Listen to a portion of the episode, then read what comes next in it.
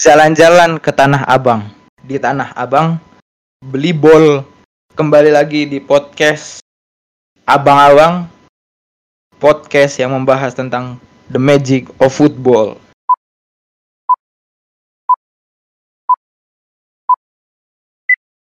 Kembali lagi bersama kami, bersama saya tentunya dan saya Andreas Rendo dan teman saya Arden di Yang- The Magic of Football. Di The Magic of Football. di episode ke-10. Lu. Yo, banget, Bro. Episode Oke.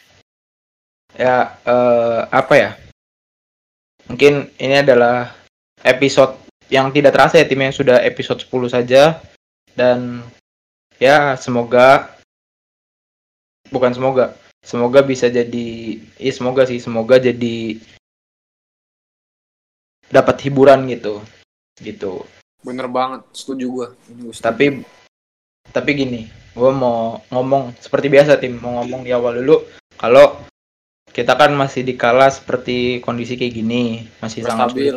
sa- ya masih belum stabil banget lah. Jadi masih belum bisa untuk keluar-keluar beraktivitas seperti dulu seperti kemarin. Maksudnya kemarin-kemarin sebelum pandemi datang. Dan kondisi juga masih ya masih sangat sulit untuk diprediksi entah kapan ini akan berakhir gitu jadi untuk teman-teman yang mungkin yang harus keluar eh, tetap hati-hati dan ikuti protokol kesehatan yang nggak harus keluar ya udah di rumah aja dulu karena seperti ini keadaannya daripada mem- memperburuk keadaan di Indonesia gitu. Tapi buat buat kalian yang apa ya dikala lockdown kayak gini nggak tahu harus ngapain, ini, inilah fungsi dari podcast kami. Yang di mana mungkin mungkin ada yang nggak suka tentang sepak bola, tapi setelah mendengarkan podcast ini ya tim ya lebih jadi suka sepak bola, jadi penasaran, jadi ngikutin. Dan buat Buat yang buat yang suka ya mungkin bisa terhibur ya. Ya, dan- bola gitu. ya dan jadi jadi menambah wawasan informasi aja buat kit- kalian yang suka sepak bola dan ya meskipun menambah wawasan jadinya kalian semakin penasaran ya dengerin dengerin terus gitu Ya. Kali aja bisa ter- tertarik bikin konten sepak bola gitu. iya Bisa bisa tertarik gitu. begitu ya udah gitu aja lah tapi ingat oh, jangan sering-sering keluar nanti kena virus oke mau bahas apa nih tim di episode ke-10 tim Ya, boleh di cross check kali ya, bahasa apa aja. Ya, ya podcast episode ke-10 ini akan membahas yang pertama tentang eh After match final FA Community Shield Arsenal versus Liverpool. oke, yang kedua ada seorang pemain Ajax yang datang ke Liga Inggris Donny van de Beek Donny van de Beek datang ke MU. dengan mahar berapa juta? Nggak Nanti tahu tuh. dibahas. Oh iya benar nanti dibahas. Oke oke. Dan yang ketiga Giorgio Giorginio Wijnaldum dirumorkan akan pergi ke Barcelona, Bung. oke dan yang keempat masih Welcome back to La Liga Claudio Bravo. betul dan yang terakhir Welcome home Ivan Rakitic. Welcome back to home. Iya. Oke. Mungkin ini bahasan yang akan kita sajikan di episode 10. Langsung aja tanpa berbasa-basi lagi. Kita mulai dari yang pertama.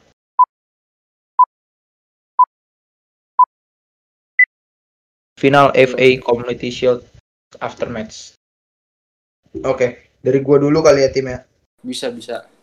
dari gua nih eh, mungkin topik eh, topik ini akan sedikit melenceng dulu karena yang akan gue bahas ini adalah dari sesosok tokoh dari yang lain sesosok tokoh fiksi yang ada di ini tapi sebelum masuk ke penjelasan tokoh fiksi ini gue mau menjelaskan dulu di sini Arsenal sama Liverpool itu kan satu sama Ya. Nah, pencetaknya Arsenal itu Aubameyang dan dia memberikan selebrasi seperti layaknya tokoh fiksi tersebut yaitu siapa? Nanti. Black Panther.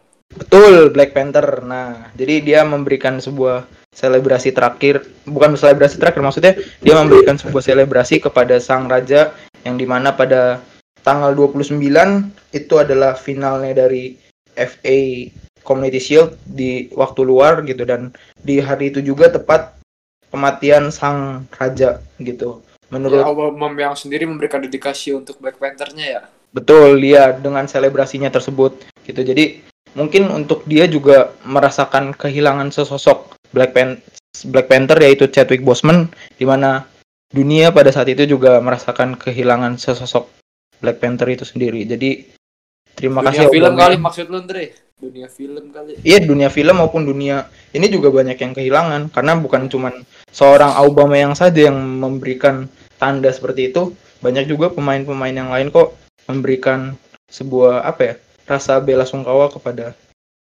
seorang Chadwick Boseman gitu, gitu. Oke, dan di situ banyak sih yang merasa sedih. Jadi gue juga ya ya udahlah. Sekarang kita lanjut aja langsung ke topik yang ini nih, yang penting ini nih. Gimana nih? Apa yang mau lu bahas, Tim? Kalau dari gua, sepermainan sih Arsenal tampil apik di babak pertama. Ya, eh, lini tengah mampu bekerja sama dengan baik dari Arsenal yang yang dipimpin oleh Muhammad El Muhammad El Neni sama Granit Xhaka. Ya, gol pertama dari ya, di Arsenal dipesatkan oleh Pierre-Emerick Aubameyang dan dan itu membuat dan itu membuat Arsenal terus bermain menyerang tanpa tanpa memberi tanpa memberi Liverpool ruang ya gua rasa babak pertama Arsenal bisa sih bisa aja sih nambah gol lagi ya cuma saya yang keberuntungan belum mihak gitu belum berpihak pada Arsenal Oke. dan untuk Terus? Arsenal dan untuk Arsenal selamat meraih untuk meraih gelar FA Community Shield untuk ke-16 kalinya. Ya, kalau dari gue sih oh ya satu lagi Untuk- Apa tuh? dari da- untuk dari Liverpool selamat kepada Takumi Minamino mencetak gol perdananya di Liverpool di musim keduanya di pertandingan pembuka sebelum liga dimulai. Ya, semoga ke depannya bisa bermain lebih baik lagi Minamino. Ya, dari gue sih itu aja sih dari match Arsenal versus Liverpool. Oke. Dari gua ya, gua eh, apa ya opini yang gua sampaikan ini kayak lebih ke kagum sih sama dua tim ini karena dari statistik emang statistik tuh bener-bener ini kayak kayak kayaknya menarik dan kayaknya seru juga. Kenapa kayaknya? Ya karena gua nggak nonton 9 45 kali duanya itu secara full gitu cuma nonton highlightnya doang. Nah di di highlight yang disediakan Bein Sport itu kayak ya bener gitu dari tendangan tendangannya juga cakep-cakep sih Eh, banyak yang apa ya kayak ada tendangan jauh tapi itu lebih tipis lah sama gawang gitu. Jadi gue nggak mau nge kalau pertandingan ini menarik karena gue nggak nonton fullnya gitu. Terus apa ya gue lebih ap- membahas ke, ke relate dengan kehidupan sih. Karena gini tim. Seperti yang kita tahu ya kalau di musim yang kemarin itu tuh Liverpool tuh digadang-gadang bakal treble. Ya kan? Karena mereka tuh benar-benar on fire lah. Tampil apik banget sih, apalagi ya. dari awal musim kemarin apik banget sih. betul apik. Terus tapi ternyata setelah kekalahan lawan ini Delvo tuh siapa ya? Tim apa ya itu ya? Watford. Tahun ini Watford ya, Watford. Ya, semenjak itu kayak jadi guncangan menurun buat gitu-gitu. Liverpool dan akhirnya menurun. Ternyata nggak jadi treble gitu kan. Iya, nurunnya sampai ke kompetisi lain juga, FA Cup sama UEFA Champions League pas itu juga. Iya, betul. Dan ya apa? ya, Kalau ke hidup tuh lebih kayak gini. Liverpool tuh meskipun awalnya bagus, tapi di akhirnya juga tetap memberikan yang terbaik gitu. Meskipun di FA ini juga kalah kan. Terus Arsenal lebih mengajarkan ke hidup kalau yang tadinya di bawah tuh nggak selamanya di bawah gitu bakal bisa naik ke atas gitu kan buktinya eh, apa yang tadinya di peringkat bawah tapi bisa meraih dua trofi sekaligus gitu itu dari trofi apa yang pertama ya FA Cup, FA. iya FA Cup sama satunya tuh apa ya FA Community Shield udah. Oh iya, FA Cup sama FA Community Shield. Ya udah sih gitu aja. Menarik lah, karena di sini juga yang bikin serunya tuh mungkin karena pemain-pemainnya tuh nggak semuanya inti gitu. Kayak Laca aja nggak nggak ada di di di cadangan juga nggak ada gitu. Itu ya udahlah. Dua-duanya sama-sama belum memainkan pemain utamanya, tapi ada beberapa pemain inti yang udah dimainkan gitu. Jadi kayak mungkin mencari ramuan baru, lagi mencari ramuan baru gitu. Itu aja. Lebihnya coba-coba pemain pemain yang belum dapat menit bermain sih lebihnya kayaknya mah Ya betul, di kayak kompetisi ini. ya kayak ini salah satunya si Air Holding, Tierney, El Neni itu itu dari Arsenal sih. Ya udah gitu aja. Lebih kalau timnya tadi udah membahas cara permainan, gue permainan dikit aja lebih ke kehidupan sih. Cakep emang sepak bola tuh bener-bener apa ya? Sa sabi lah. Dramanya luar biasa. Ya, Kayak gitu. dramanya Oh. tuh bukan bukan drama-drama settingan gitu. Keren. Oh iya, kok dari gue satu lagi ya, semoga Apa? ya ke- kemenangan Arsenal ini juga bisa jadi bisa jadi ke depannya bisa lebih bersaing lagi di Liga Inggris seperti dulu kala. Ya, lagi pula kan dari pas mulai tim Mikel Arteta kan Arsenal permainan ya mulai berkembang lagi gitu. Ya, semoga sih musim ini bisa bersaing lagi di Iya. di top 4 semoga sih. Arsenal dan Liverpool untuk Liverpool tetap tetap bermain sesuai jal- sesuai kapasitasnya lah apalagi seperti musim kemarin tuh ya semoga tetap tetap yang terbaik untuk Liverpool di musim di musim 2020-2021 ini Oke. udah itu aja dari gua Udah clear kali ya topik yang pertama ini. iya udah clear lah Nah, bentar, bentar. Karena di sini tadi lu sempet apa ya? Lu sama gue juga sempet ngomong-ngomong coba-coba nih tim. nah, Coba-coba, apa tuh bukan lebih coba-coba sih, maksudnya kayak untuk menjalani kehidupan yang baru gitu. Ini nih sama kayak i- i- topik yang akan kita bahas di kedua ini, dia akan menjal seorang pemain yang dari tadinya dari tim Belanda itu yang akan memainkan perjalanan barunya di klub barunya yaitu Manchester United. Siapa dia tim? Donny van de Beek asal Ajax Am- Amsterdam ya Oh. lagi-lagi dari Ajax pemainnya diborong habis-habisan lagi-lagi Betul. Ajax Coba tim. Sebelum kita masuk ke topik tentang Do- Donny van de Beek ini, emang siapa aja pemain Ajax yang sudah pergi? Satu, dari 2019 Ma- Matis Delit Juventus. Betul. Kedua, Frankie De Jong. Frankie De Jong. Frankie De Jong ke Barcelona. Ketiga, itu Ha- Hakim Ziyech ke Chelsea. Betul. keempat Donny van de Beek. Ya, udah yang gue baru tahu itu doang sih. Tapi tapi hasil jualannya bukan main bos benar-benar. beli beli mah modal dengkul doang.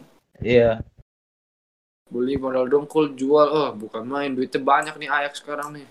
Iya parah ya. banyak banget duitnya. Apa ya?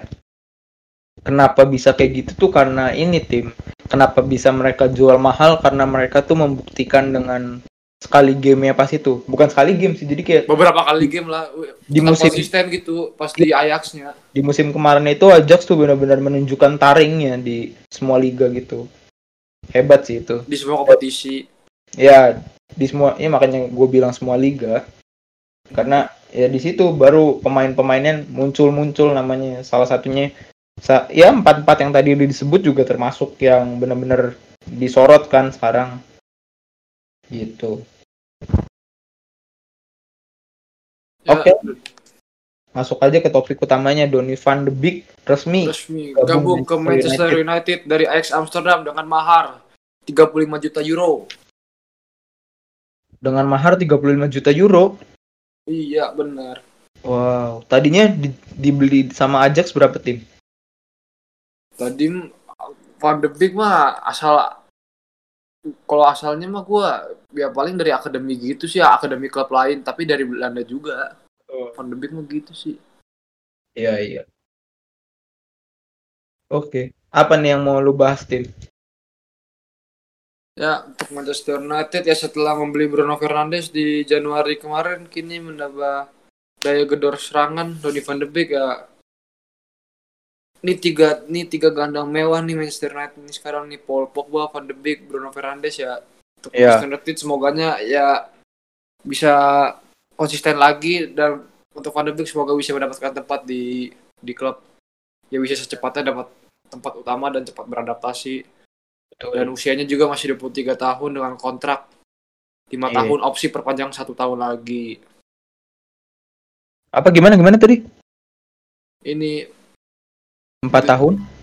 di kontrak 5 tahun dengan opsi perpanjang satu tahun lagi Oh. Oke.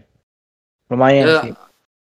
kalau dari gua ya bisa sih bermain apik Van de Beek nanti di Manchester United ya secara permainan juga oleh Gunnar Solskjaer juga bisa cocok lah kata gue bisa cepet cocok lah ini pemain Hmm. bisa cepet cocok ya semoga Terus? bisa bisa berduet dengan baik dengan Van de Beek eh kok Van de Beek dengan Bruno Fernandes nanti Iya, betul. lagi pula juga posisi dia selain center midfielder juga bisa CAM juga sih jadi bisa ganti-gantian sama Bruno Fernandes juga bisa ganti-gantian kalau misalnya Bisa. kalau buat ini perkara menyerang sih buat attacking Iya. gitu yang yang dibantu dari lini, lini tengah Iya, betul, betul, betul. Apa ya? Terus apa lagi, Ting? Eh, dari gue segitu dulu. Coba dari lu sekarang. Kali aja ter bisa lanjut lagi gue. Oke, okay, kalau dari gue gini sih. Eh uh, apa pasti Timmy tahu harusnya. Apa tuh? Eh, orang Doni Van de Beek itu sempat dirumorkan salah satu pemain yang akan merapat ke Santiago Bernabeu. Oh iya iya iya iya iya iya iya. Tapi iya, iya. iya. batal gara-gara pas ini ya si Konnya lagi nggak mendukung ya pas awal-awal karena gelandangnya juga nggak nggak pada belum pada maksimal di situ kan. Makanya muncul Donny van de Beek akan direkrut di Santiago Bernabeu gitu. Eh, eh, padahal di situ tuh kalau nggak salah rumornya tuh benar-benar besar sih. Iya nggak sih? Kalau soal rumor Van oh iya iya benar sih pas itu lagi gencar-gencarnya itu Iya, betul kan lagi gencar-gencarnya. ya dan pas Maret kemarin itu pas bulan Maret Iya. tuh.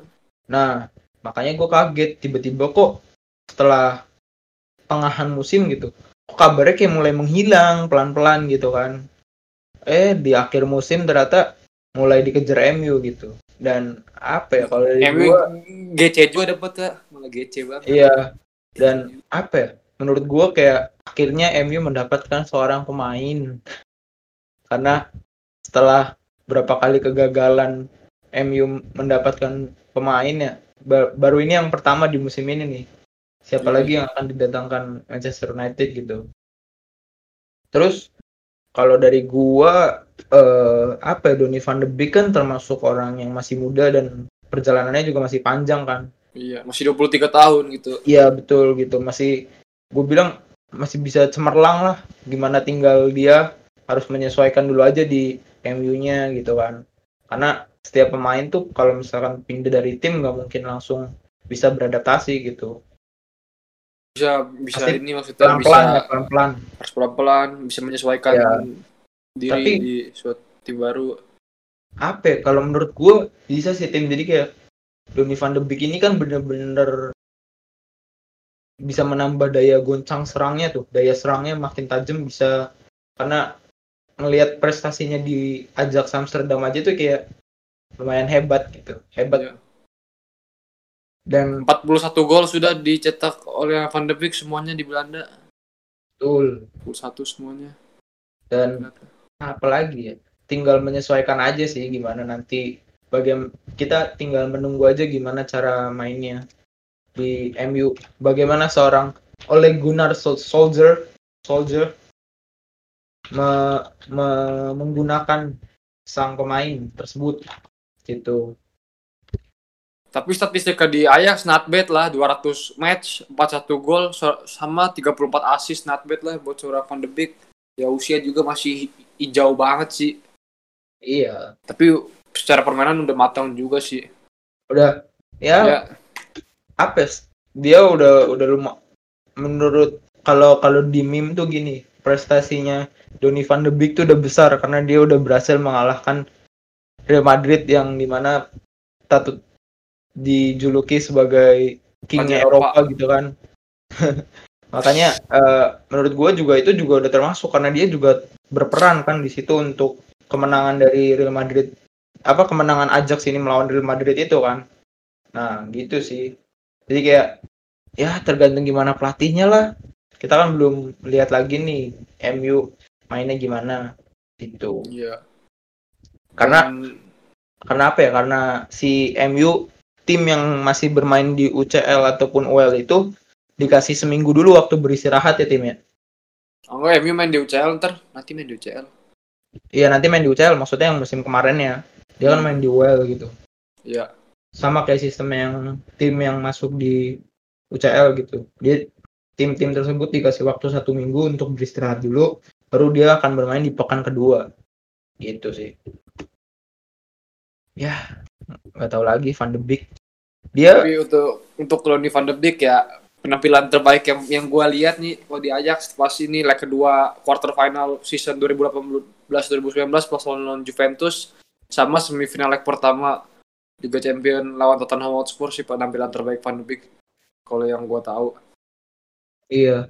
Karena di situ Van de Beek yang bawa yang bawa, yang bawa apa tuh Ajax ke semifinal menang lawan Juventus sama menangin leg pertama di kandang Tottenham kalau yang gue Iya. lihat itu. Dan dia bermain apik sih gue lihat juga. Ya udah. Apa ya gini eh, kalau udah tim lu dulu coba lu lanjut lagi. Gue gue soalnya gue mau nambahin dikit gini. Si apa karena tadi di topik yang pertama itu kan kita sempat ada membahas tentang sosok dari pemain bola yang memberikan tributnya kepada siapa gitu kan. Di tadi yang di topik FA Cup itu. Eh FA Community Shield. Dan di sini juga Donny van de Beek ini juga memberikan sebuah tribut kepada seorang temannya yaitu siapa? oh yang kata dia pakai nomor 34 yang, mem- Ya, yang betul. memberi memberi edi- dedikasi ke temannya yang kata pas itu sempat sempat uh, masuk rumah sakit ya Iya, itu bertahun-tahun dia kritis gitu. Si siapa ya namanya? Lupa gitu gue. Gue juga lupa gue gue tahu soal itu mah gue tahu dari Nah, makanya dia di MU memakai nomor tersebut untuk memberikan tribut tersebut kepada seorang pemain yang di mana pemain itu masih berada di Ajax gitu. itu pemain itu juga memberikan saran ke De Jong untuk pindah-pindah ke Barcelona sih itu Iya, yang, itu yang, juga. yang, yang gue tahu itu yang gue tahu ya Iya betul. tahu juga Ya itu tadi tribut yang telah diberikan sesosok Donny van de Beek kepada temannya. Bentuk kesetiaannya sih. Ya, udahlah. Donny ini van gue lanjut nih gue lanjut ya gue bicara Oke. dari Ajaxnya ya setelah ditinggal Matis Delit Frankie De Jong habis itu apalagi Hakim Ziyech sama Donny van de Beek siapa lagi masih yang masih tersisa pemain-pemain pentingnya kayak Nicolas Tagliafico, Quincy Promes, sama David Neres. Kira-kira siapa lagi selanjutnya? Ya, da- dari penjualan Donny van de Beek ini ya Ajax lagi-lagi meraup untung banyak sih. Lagi-lagi ya bisa kisah bisa hampir 200 juta euro lah. Eh, Iya. bisa nyampe lah. Oh iya iya 200 juta benar-benar. Bener tim yang apa lo omongin karena Ajax sudah diborong pemain-pemain yang gue bilang udah mulai berpe, apa yang mulai berpengalaman itu udah diborong semua ke tim lain dan kiranya Ajax di musim ini juga tetap aja eh, jangan kendor lah jadi meskipun pemain-pemain yang udah mulai menjadi bintangnya pergi tapi Ajax tidak berhenti-hentinya mencetak sebuah pemain Pemain yang berbakat. betul itu dan untuk MU ya udah ini akhirnya dia menjadi klub berhasil sukses setelah transfernya gitu dan Ya setelah kemarin cuma kebanyakan rumor doang ya. Setelah kemarin. dan ber- sekarang sudah mau memulai di Liga Inggris dan kita tinggal tunggu aja hasilnya gimana nih. Karena klub-klub lain sudah banyak yang melakukan transfer dan berhasil. Dan ya udah kita tinggal tunggu aja persaingannya. MU ke depannya akan seperti apa gitu. Ya, semoga semoga yang terbaik untuk Van de Beek di Manchester United dan semoga bisa mendapatkan tempat di bawah asuhan Gunnar Solskjaer lah. Semoga. Soldier oke Clear kali ya. sekarang berarti kita masuki aja topik ketiga kita Ya dari pemain Belanda lagi, Bung, sepertinya. masih gelandang lagi Dari dari asal Belanda. oh ini asal Belanda juga ya Iya, Belanda juga. dan di klub ini adalah salah satu klub yang musim kemarin tuh akhirnya menjuarai Liga Premier Inggris. Ya, Premier League bener. yoi, bener. dan ya bu sudah jelas dong siapa orangnya siapa tim Jorginho Wijnaldum. oke apa nih tim apa nih tim yang Nomornya ke mau Barcelona sih ya. Ya itu juga dari awal resminya Ronald Koeman tanda tangan kontrak bersama Barca sih emang Koeman udah beberapa pemain udah banyak yang dicoret dari proyeknya nanti di, di untuk di musim ini kayak Ivan Rakitic, Arturo Vidal ya Ivan Rakitic ya udah out sih. Arturo Vidal juga rencananya ben- bakal out juga. Ya mungkin na- setelah nanti kepergian Vidal sih Barca emang harus ada lagi sih gelandang box to box yang tipe kala box to box ya Wijnaldum bisa juga sih jadi pilihan tepat ya lagi pula transfer Wi- Wijnaldum ini kan emang sesuai kebutuhan pelatih bukan dari manajemen bukan dari manajemen ya kalau emang dari sesuai kebutuhan pelatih ya gua gua sih sebagai fans sih setuju setuju aja. Kalau misalnya nanti masuk lagi pula kan kalau gelandang kan ya jangan semuanya yang tipikalnya pemain kreatif lah. Gelandang juga butuh lah yang tipikalnya yang box to box gitu. Oh bentar. Sedikit dipotong tim. Oke. Box to box tuh maksudnya yang main bener-bener fokus di area center doang ya? Yang kayak tipikalnya ini kayak Arturo Vidal tipenya yang apa tuh namanya?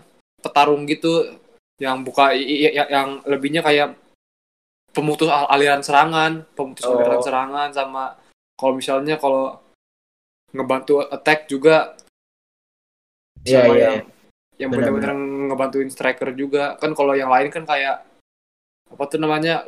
Create chance eh, create attack gitu. Lebih Mhm. create attack bangun serangan ini tipikalnya bantu serangan gitu. Oke. Ya dan untuk transfer Wijnaldum biar kata terrealisasi biar misalnya nanti bisa terrealisasi ya semoga bisa bisa jadi gelandang box to box di Barca ya- yang sebaik dari zaman Yaya Torres, Edo Keita dan seterusnya. untuk Barcelona ya? Ya, ya gua kalau bisa sih kedatangan Wijnaldum tuh setelah Arturo Vidal bener-bener udah hengkang dari klub sih kalau buat gua. oke Ya walaupun gua menginginkan gelandang kreatif bisa dapat waktu lebih banyak main sih.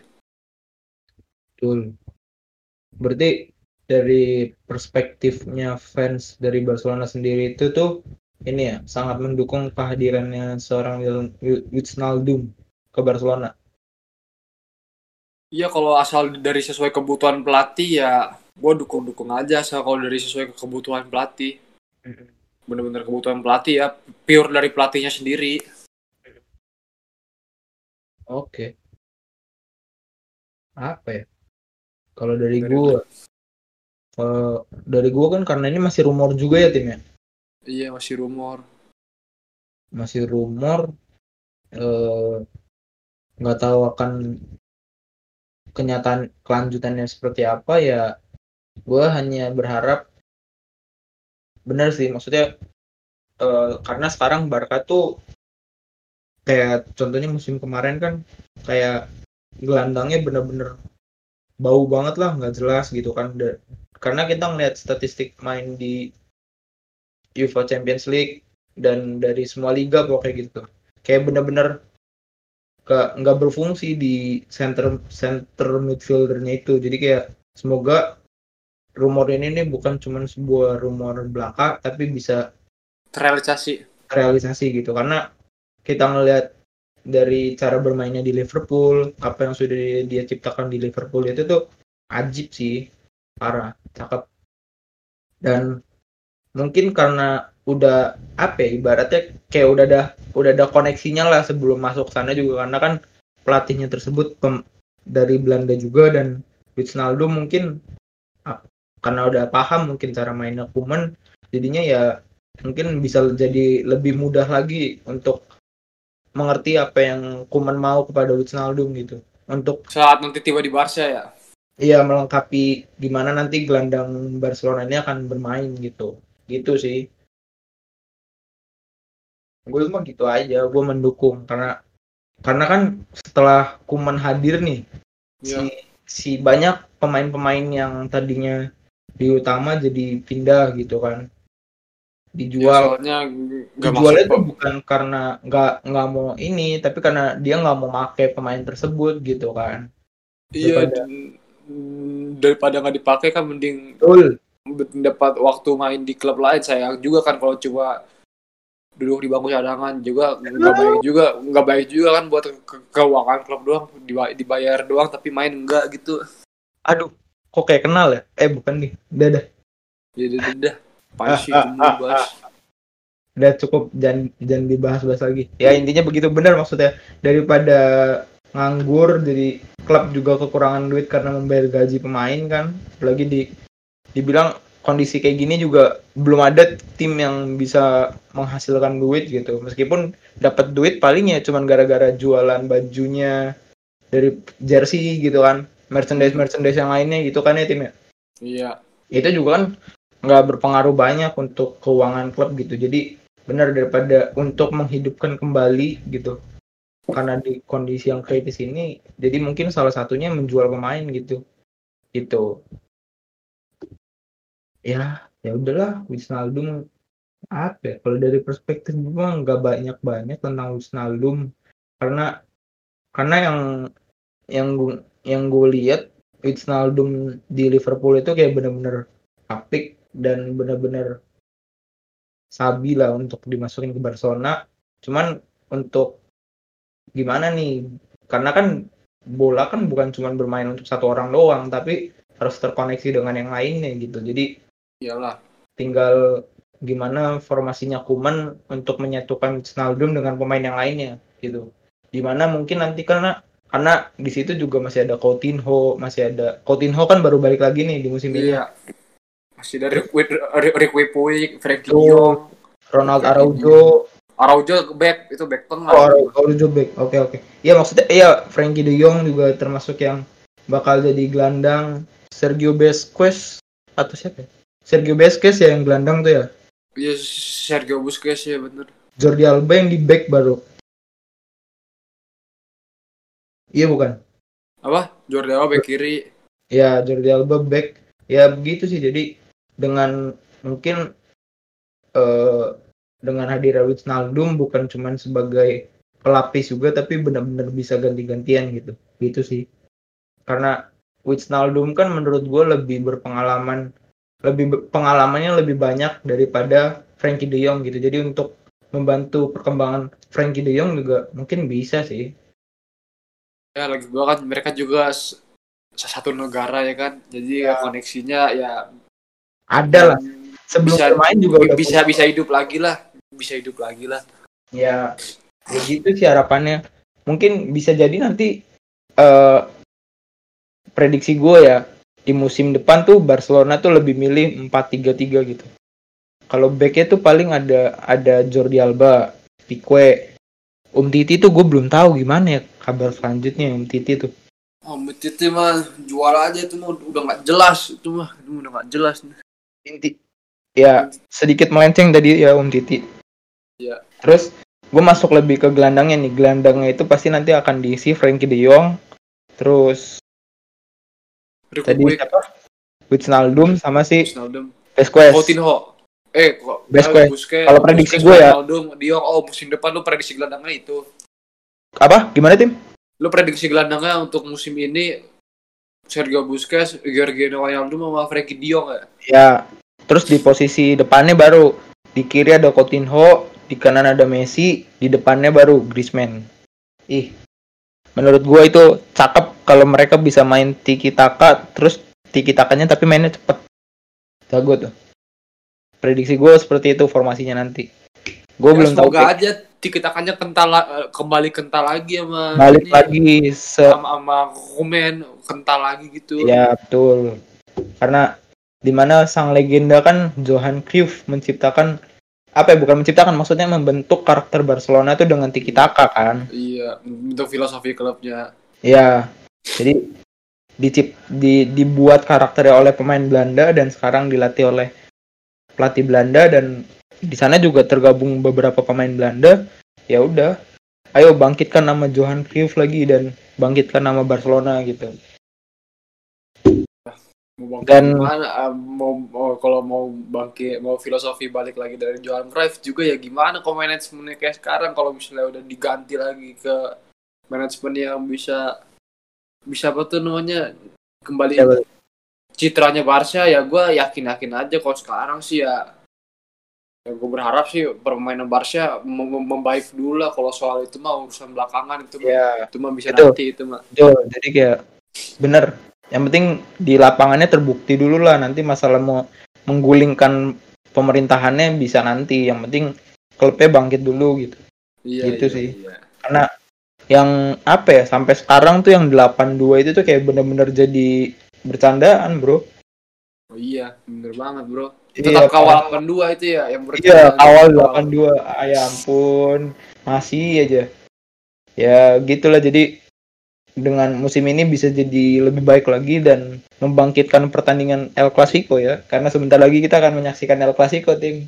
Oh iya bulan depan ya? iya. Bulan depan ya? Apa nih yang bakal terjadi? Karena sang Lionel Messi udah kembali lagi gitu. Mau bertahan di klub ya? ya. Ya ya udahlah.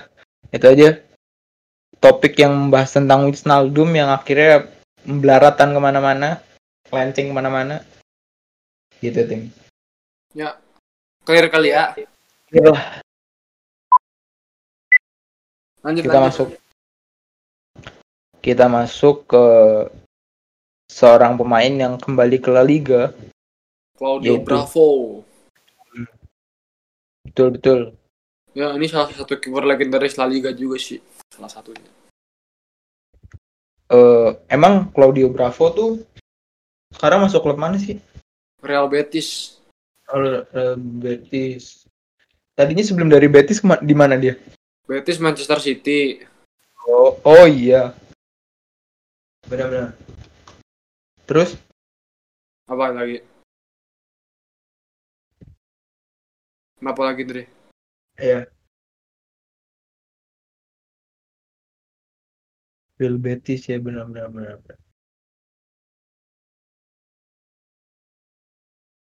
Claudio Andres Bravo Munoz. Yoi. Lu liat Wikipedia ya? Iyalah, Wikipedia bro. Lu u- udah 37 umurnya bre. Iya udah bre. Bro, 37 sih wajar. Baratnya kayak Buffon lah. Buffon mah 41. Ya maksudnya beda-beda dikit gitu, tapi masih bermain dalam waktu yang lama. Dan apa ya? Kehadiran Claudio Bravo ini kepada ke mana? Ke Real Betis. Hmm. Gak tahu sih apa yang akan terjadi. Karena di Manchester City juga kan dia kan jarang bermain ya, jarang dapat waktu main. Iya, jarang banget. Tapi waktu main itu juga dibeli itu juga gua nggak ngerti tuh tujuannya dibeli buat apa di, dibeli ini ya beberapa dibeli terus Johar dipinjemin ke tim lain yang pas ini awal-awal Pep Guardiola masuk City yang pas itu loh Iya. gue nggak ngerti sama sekali itu pembelian Claudio Bravo Iya sih. guna apa enggak di City pas awal musim di, di City juga buruk banget sih mainnya bener-bener buruk banget Iya, benar. setelah di, di Barca tampil apik tapi di City sumpah bad banget sih yang mus, di musim pertamanya Parah sih. matchnya aja nih main 29 dari 2016 sampai 2020 selama 4 tahun di City Iya. 29 permainan. iya 29 match Tapi Bukan- ya apa ya?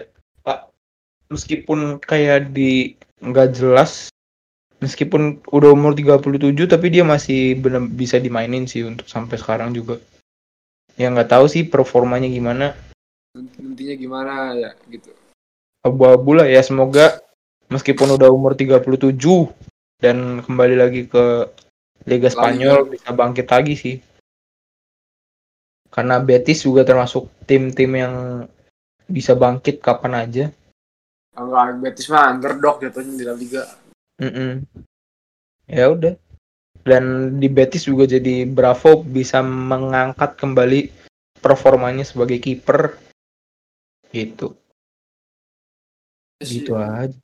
Dari Claudio Bravo sih sebelumnya emang karirnya dia paling lama main di Liga Spanyol sih 10 tahun dari Sociedad atau Barcelona sih emang karirnya mm, betul cukup lama sih 10 tahun di La Liga ya tahun. sekarang kan kembali lagi ke La Liga ya.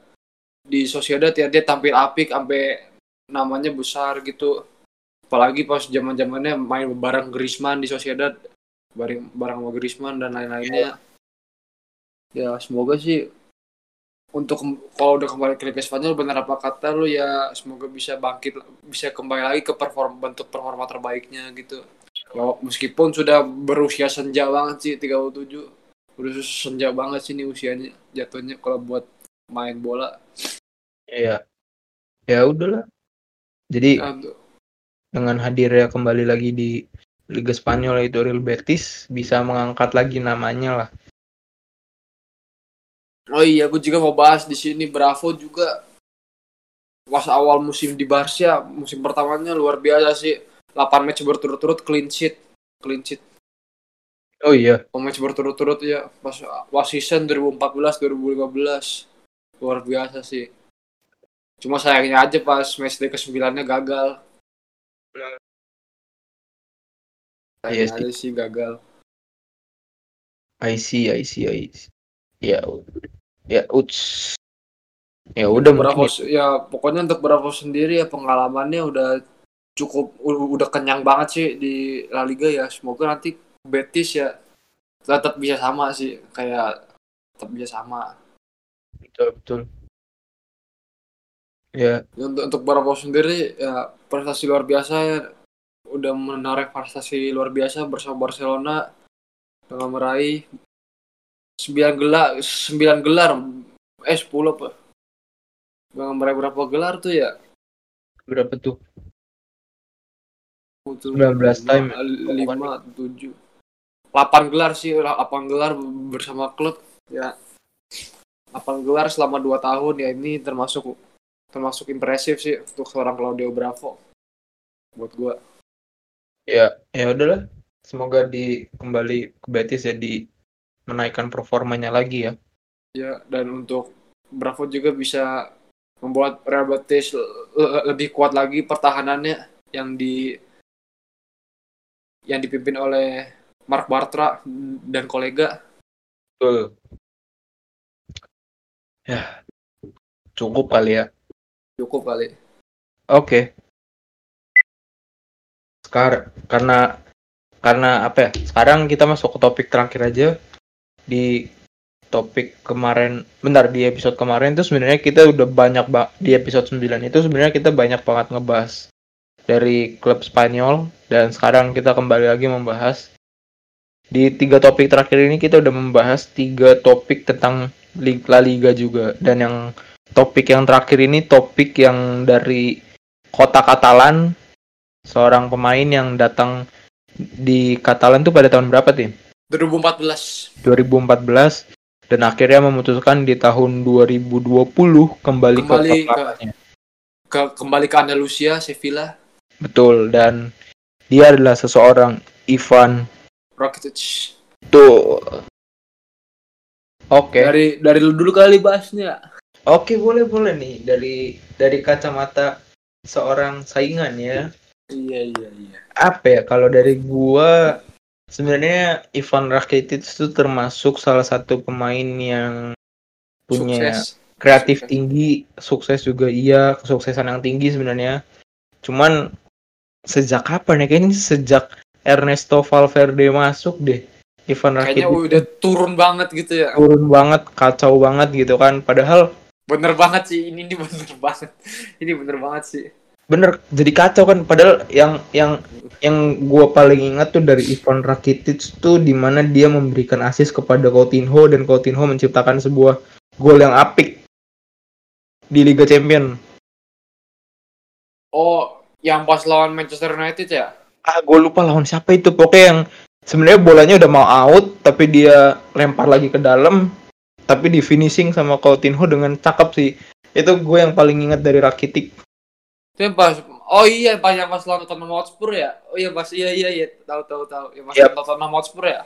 Gue lupa timnya lawan apa itu tuh. Ya Tottenham benar itu benar Tottenham.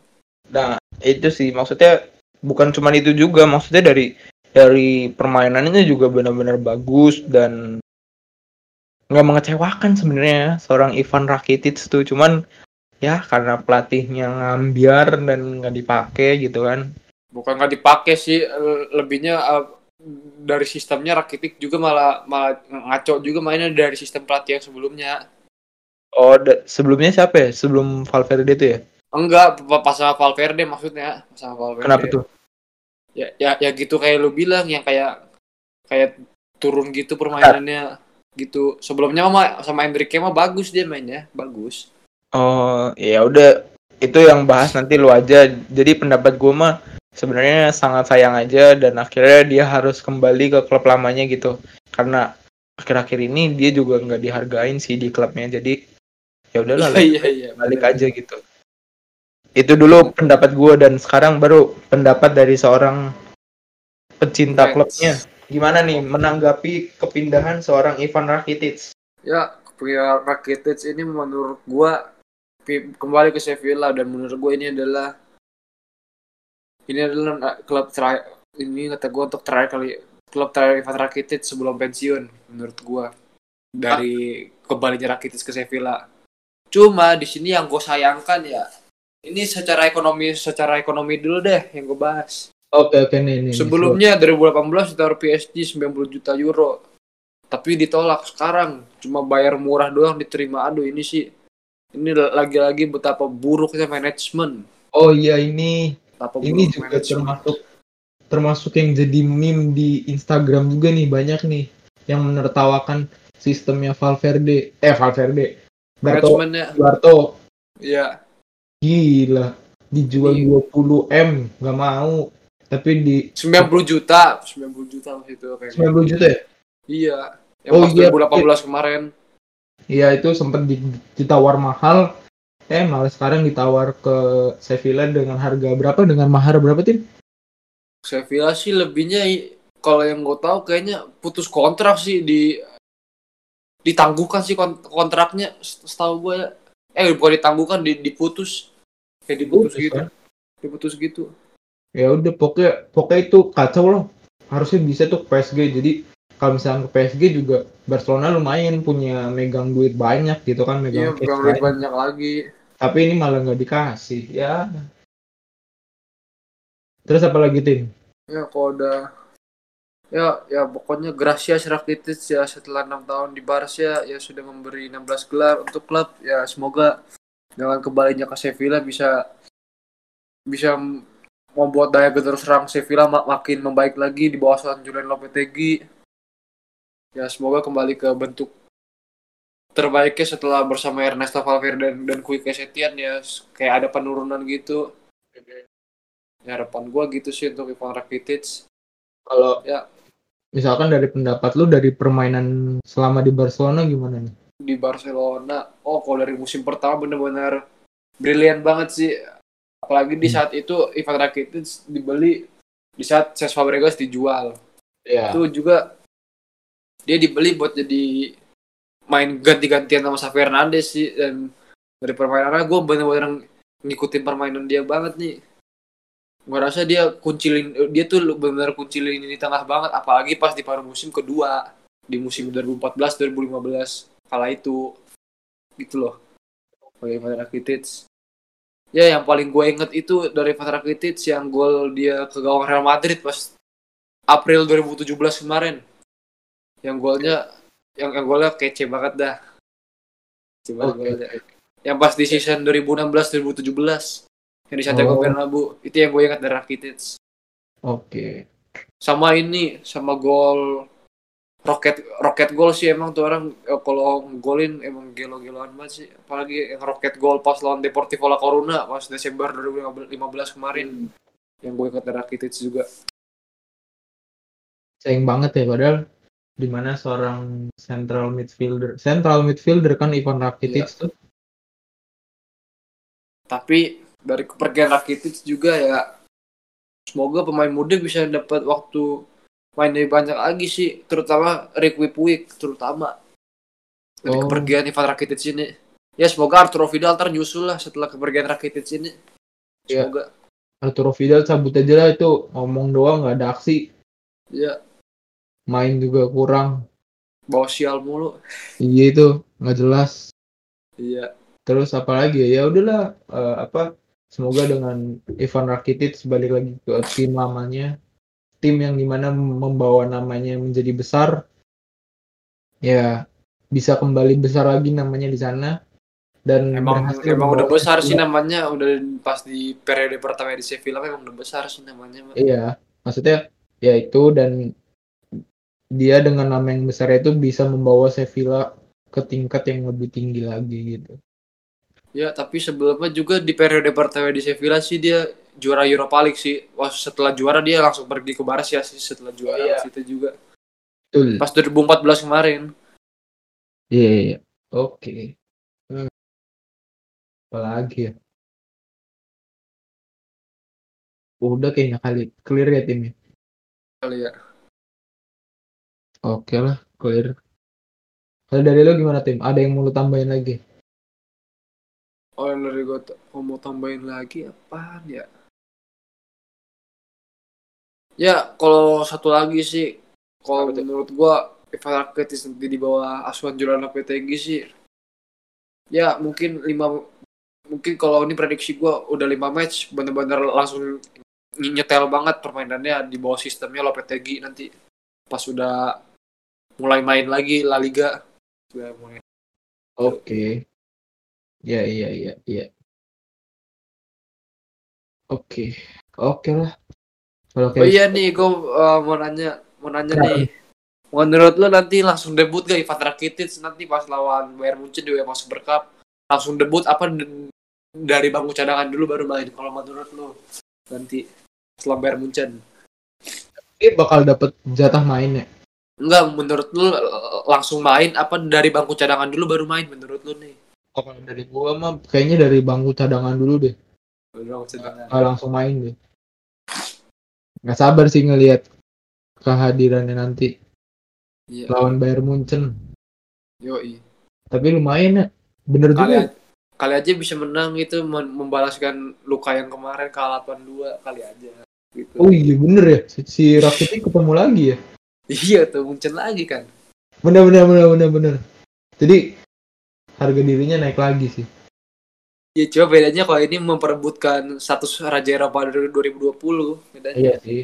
Ya. Ya benar benar benar benar benar. Ya udahlah. Apalagi eh Rakitic. Oh, udah cukup dari gua mah tim. Clear kali ya. Oke, clear. Ya, mungkin di episode 10 sam di episode 10 ini sampai sini dulu dan eh dan topik kita sudah habis. Berarti kali kita akan bertemu lagi nanti di episode ke-11 Plus. dan entah sampai kapan episode 11 akan rilis, kita tunggu saja. Dan-. Sekian dulu ya tim ya. Iya. Oh iya, sebentar. Eh gue nggak mau nggak mau janji sih, cuma ngasih tahu dulu kalau nih? misalkan nanti mungkin di episode 11 atau di iya di episode 11 sih eh akan ada bahasan tentang National League. Oh, UEFA Nation League. Ya, tapi nggak janji ya. Maksudnya kita Apalagi gua, Andre. Apalagi gua. karena karena kita nggak nggak dapat akses ke sana sih, jadi bingung juga gitu. Apalagi gua, gua, gua, gua lebih nggak janji lagi malah. Ya makanya Kalau ntar kalau misalkan dapat streamingan atau bisa nonton kita akan bahas ya satu atau dua pertandingan. Itu kalau itu pun kalau dapet. Jadi ditunggu aja nanti di episode 11 Hmm. oke. Sekian dulu lah di episode ini. Tutup tim. Ya, sekian dari episode 10 di podcast The Magic of Football. Gua Tim Erden dan rekan gua. Andreas Royando. Pamit undur diri sampai jumpa di episode selanjutnya. Ciao. sampai jumpa. Gracias.